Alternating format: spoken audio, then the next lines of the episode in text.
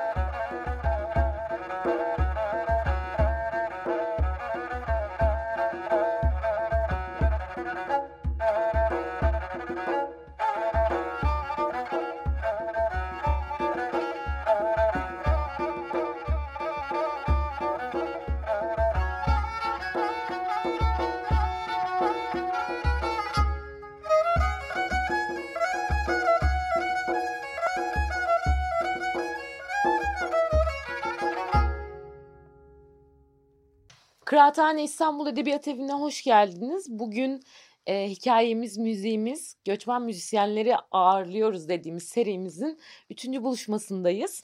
E, tabii ilk buluşmayla beraber düşünce dördüncü o hani akademisyenlerle konuşma, Evrim Hikmet Öğüt ve Selda Öztürk'le tezler üzerinden konuşma olduğu için müzikli konuşmalarımızın üçündeyiz. E, İranlı müzisyen Dina'yı ağırlıyoruz bugün. Hoş geldin Dina.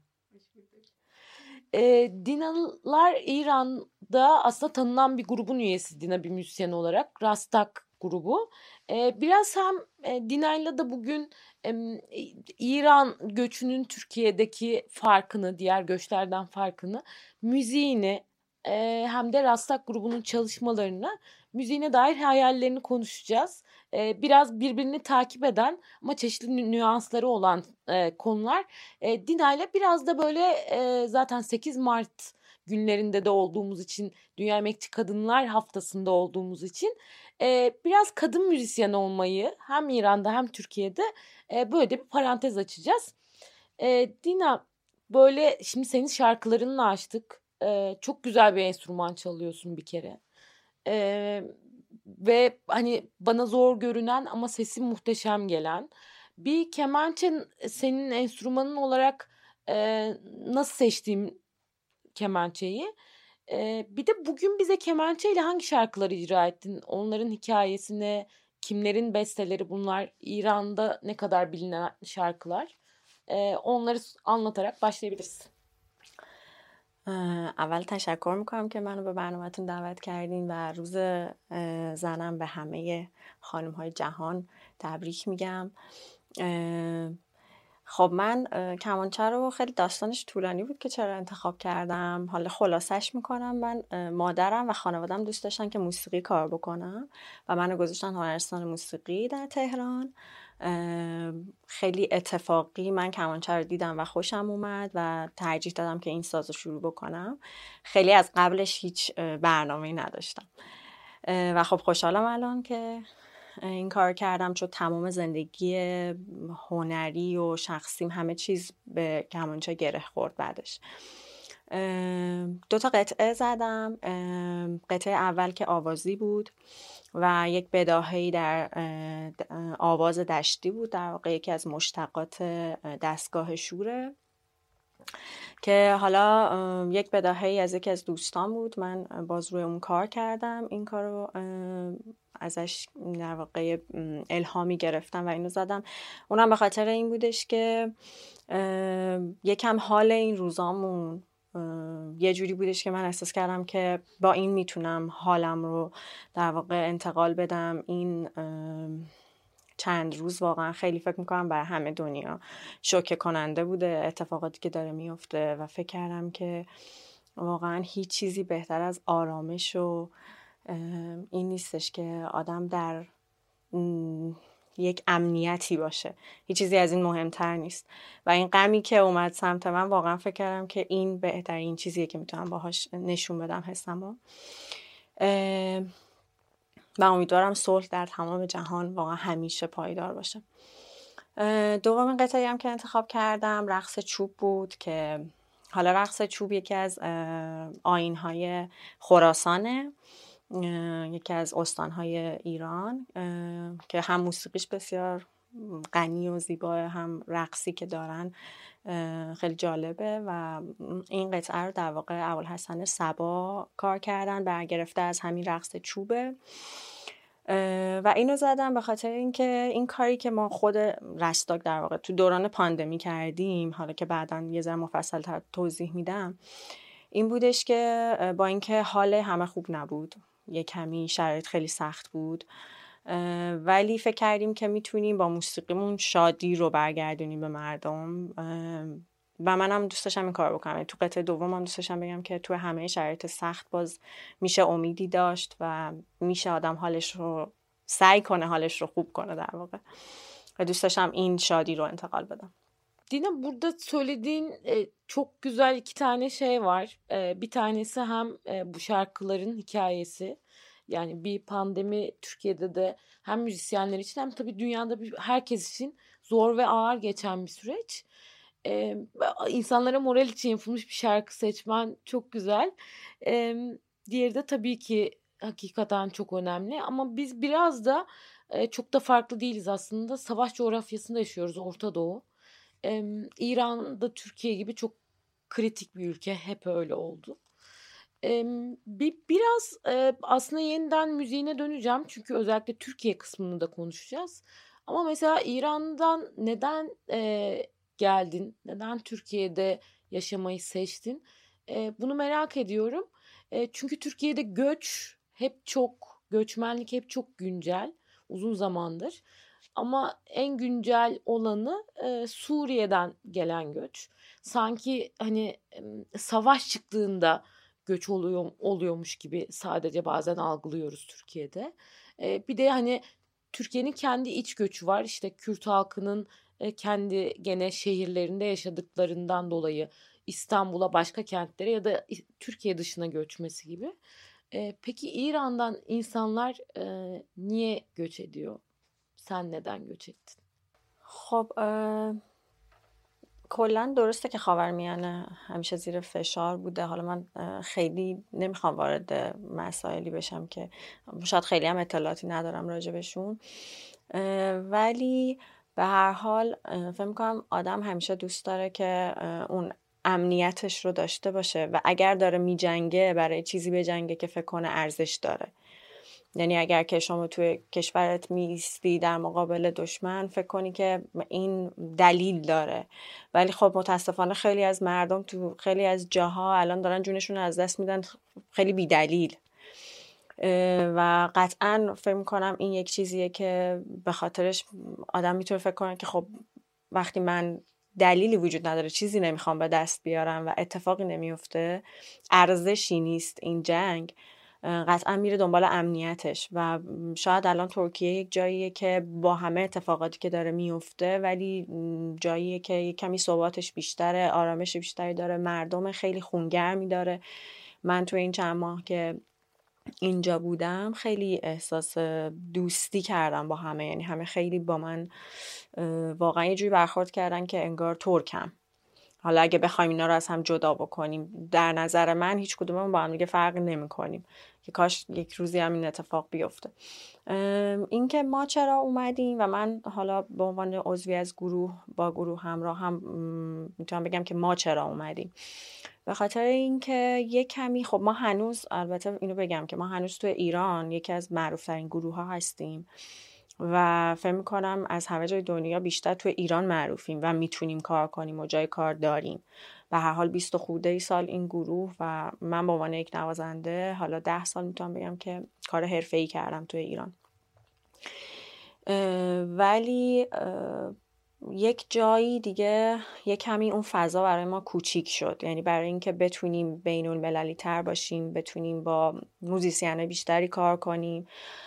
خودمون در واقع موسیقیمون رو به گوش مردم بیشتری برسونیم یک کمی بستر ایران شاید براش فراهم نبود و ترجیح دادیم توی یک جایی باشیم که هم به ایران نزدیکه هم فرهنگ مشترک زیاد داریم.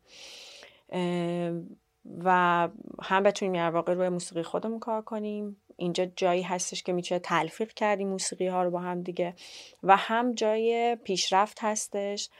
هم خیلی musician زیادی از همه جای دنیا میان. خود musician ترک بسیار عالی هم و واقعا دوست داریم همکاری باهاشون رو. و اینجا فکر می‌کنم بهتر می‌تونیم کار کنیم و موسیقیمون رو در واقع promote کنیم.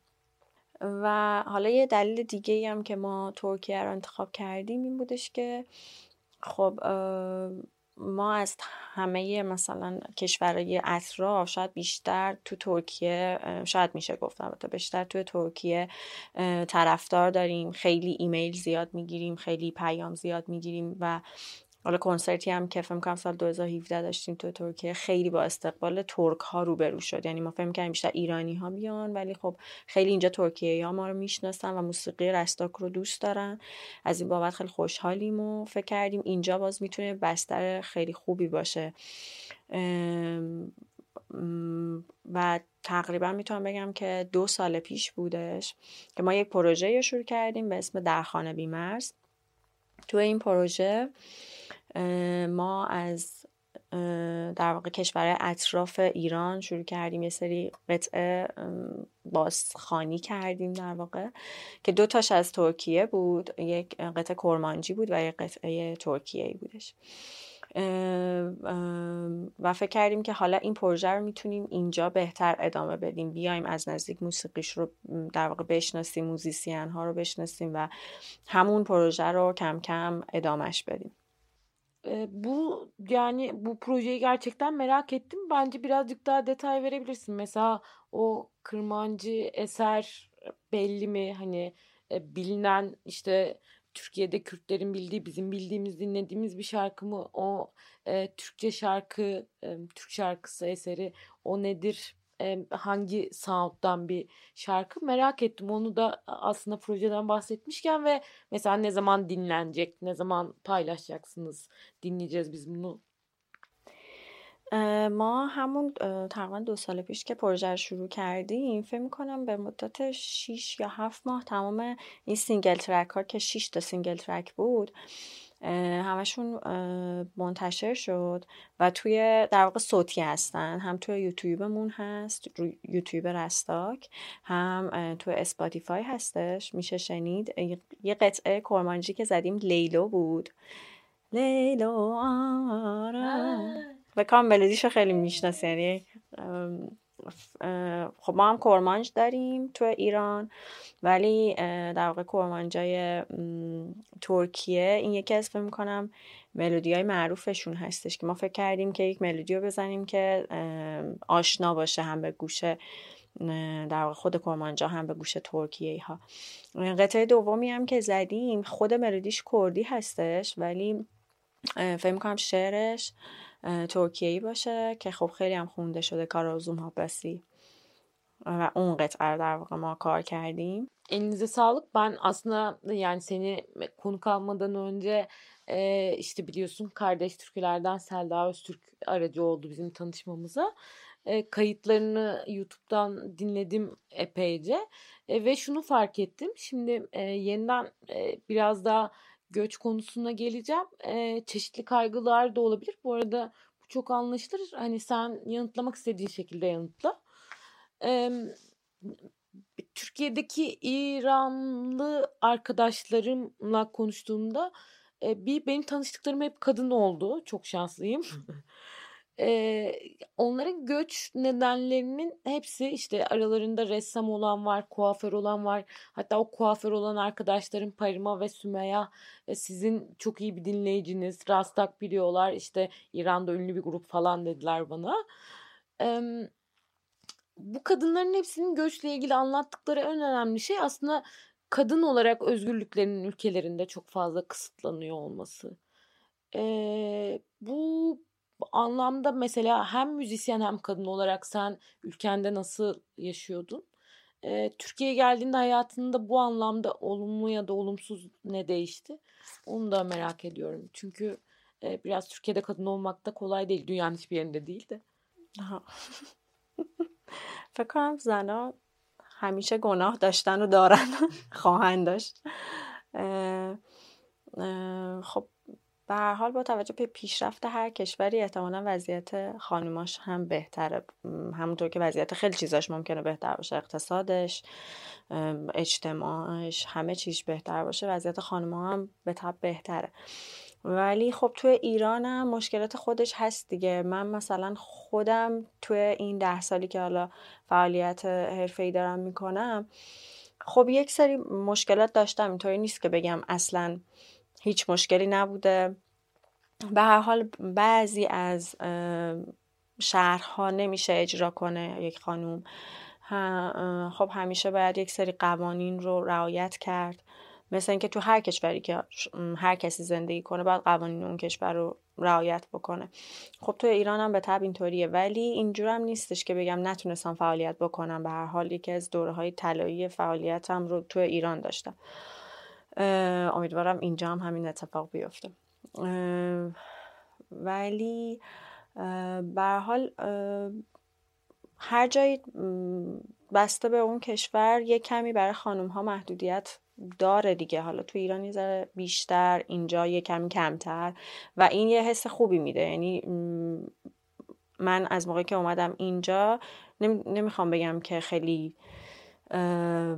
حالا احساس آزادی عجیبی می‌کنم. نه به حال یک سری چیزهایی که یک کمی آدم رو ذهنش رو مشغول می‌کنه مثل اینکه خب حالا مثلا من توی فلان شهر نمی‌تونم اجرا داشته باشم. همین این چیزا نیست و شما به راحتی بدون اینکه بخوای فکر کنی حالا باید برای این کار اجازه بگیری می‌تونی به فعالیت هنریتون ادامه بدی.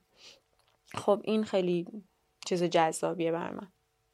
Aslında başta söylediğin galiba e, o kadar doğru ki hepimizin yani e, sahiden dünyanın hiçbir yerinde kadınlar tabii ki pek çok şeye göre değişiyor. İşte medeniyete, ekonomiye, statüye, eğitime. Ama bazı şeyler de değişmiyor. Kadınlar açısından bir sürü şeyin e, değişmesini umut etmeye biz devam ediyoruz. E, bahsederken sen hep şunu düşünüyorum. Hakikaten e, sizin Türkiye'ye geliş hikayeniz göç yani sonuçta göç hani e, benim Niğde'den kalkıp İstanbul'a yerleşmem de bir göç hikayesi. Taşra'dan kente geliş. E, bu, bu, ama hakikaten diğer göçlerden çok fark ediyor. Şu ana kadar konuştuğumuz müzisyenler işte Suriye göçü olduğu için çok başka şeyler duyduk, dinledik. E, sen konuşurken hakikaten şunu fark ettim. Manipülasyon ve habercilik e, o kadar belirleyici ki onlara karşı şu an e, çok belirgin bir kışkırtma olduğu için o bambaşka bir göç yaşıyor. Sen bambaşka bir şey yaşıyorsun. E, bu da bence bizim söyleşilerimizin toplamında üzerine düşünebileceğimiz bir şey. E, bir yandan kafamda bu dönüyor. O yüzden bunu söyledim. E, ama getirdiğin yerde şey çok özel aslında. Hem Rastağ'ın yaptığı müzik üzerinden hem işte yapmaya çalıştıklarınız üzerinden e, algınız üzerinden İran'la aslında ne kadar yakın olduğumuzu da fark ediyorum sen konuşurken. E, biraz müzikal olarak e, işte İran müziği, Türk müziği, Kürt müziği e, bunların kesişen ve ayrılan yanları neler, ne kadar iç içe ya da ne kadar mesafeli e, müzikal olarak bize ondan da bahseder misin? خب خیلی قوم های مختلفی هستن که هم توی ایران زندگی می‌کنن هم توی ترکیه. قطعا یک جای اینا از هم جدا شدن و فرهنگشون رو هم توی ترکیه آوردن هم توی ایران. و خب خیلی قدیم مثلا ما همه با هم بودیم با هم زندگی کردیم. قطعا این اتفاق افتاده و تکه هایی از فرهنگ همدیگر داریم توی کشور همدیگه. ولی خب موسیقی هم می‌تونه برگرده به زمان عثمانی که خیلی از آهنگسازای ایرانی اومدن اینجا و شاید بعدش هم بالعکس و این موسیقی رو هی در واقع انتقال دادن.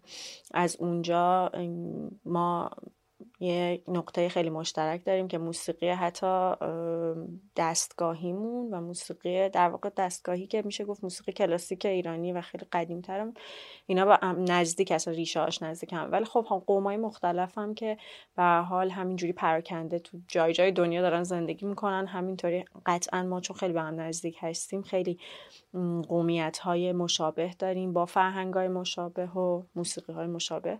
به خاطر همین هم هستش که ما احساس کردیم اینجا خیلی نزدیکتره به ما به کاری که داریم می‌کنیم. هم حالا یه چیزی هم این وسط بگم به نظرم یکی که دلیل که ایرانی هم میان ترکیه اینه که توی توی یه چیزایی خیلی شبیه ترکیه به ایران. یعنی مثلا خب به هر حال نمیشه ممکن این شدش که آدم اگر داره میره دوست داره یک جایی باشه که شبیه همون جایی باشه که همیشه زندگی می‌کرده. آب و هواش حالا تا یه حدی زبانش مردمش خونگرم بودنشون. همه این چیزا تاثیر می‌ذاره که ایرانی ها میان. برای ما هم قطعا اینا بوده. ولی این اشتراکات فرهنگی و موسیقایی خیلی تاثیر گذاشتش تو این که ما اینجا رو انتخاب بکنیم. Evet çok fazla temas, çok fazla yakınlık var. Özellikle müziğin burada kültürler arasında ne kadar geçirgen, ne kadar yaklaştırıcı bir şey olduğunu sanırım e, İran ve Türkiye müziğinden görmek çok mümkün. E, hakikaten seninle konuşurken, müzik üzerine konuşurken bütün bunlar bir kez daha aklımdan geçti. İran'ın kültürel olarak da ne kadar köklü ve aslında önemli bir medeniyete sahip olduğunu da hatırlamakta fayda var. E, şu an orada olmasa da bence yeniden İran bambaşka bir yer olacak diye inanıyorum, düşünüyorum. E, çok güçlü bir kültür çünkü. Çok teşekkür ediyorum. E, teşekkür e, Mihonam. E, iyi ki geldin. E, hem şarkılarını dinledik, e, hem hikayeni anlattın bizimle. Bambaşka bir göç, göç hikayesi İran. Diğerlerine benzemiyor. Evet ama müziğin hikayesi ve söyleyemediklerimizin hikayesi birbirine çok benziyor bence. Ee, teşekkürler Dina tekrar. مرسی من واقعا تشکر می‌کنم از اینکه من دعوت کردیم به برنامهتون باز هم دوباره و اینکه فکر می‌کنم این برنامه ها خیلی می‌تونه کمک بکنه به کسایی که حالا الان تو شرایط من و گروه ما hastən برای اینکه به گوش مخاطباشون برسونن که ما اینجاییم و حالا منتظر باشن که کلی کار جدید بکنیم Biz de seni tanıdığımız ve Rastak grubunun müziğini tanıdığımız için de çok mutluyuz. Bugün Dina'yı ağırladık. Hem gerçekten eşsiz iki şarkıyı icra etti. Çok güzel kemençe çalıyor. Hem müzisyen edası çok güzel hem enstrümanın. Ama anlattıkları da bir o kadar güzel ve hatırlanmaya değer. Bu coğrafyanın ne kadar birbirine aslında sıcak ve yakın temasta olduğunu bir kez daha düşünmekte fayda var. Göçün müziği hikayesi bunu hatırlatmakla da mükellefti. Dina vesilesiyle oldu. Haftaya Afrikalı müzisyen, haftaya değil çok özür dilerim. E, bundan sonraki serimizin son konu Afrikalı müzisyen Erik olacak. Onunla da e, benzer şeyleri konuşacağız. E, yeniden görüşmek üzere. Bizi izlediğiniz için, Dina'yı dinlediğiniz için çok teşekkür ederiz.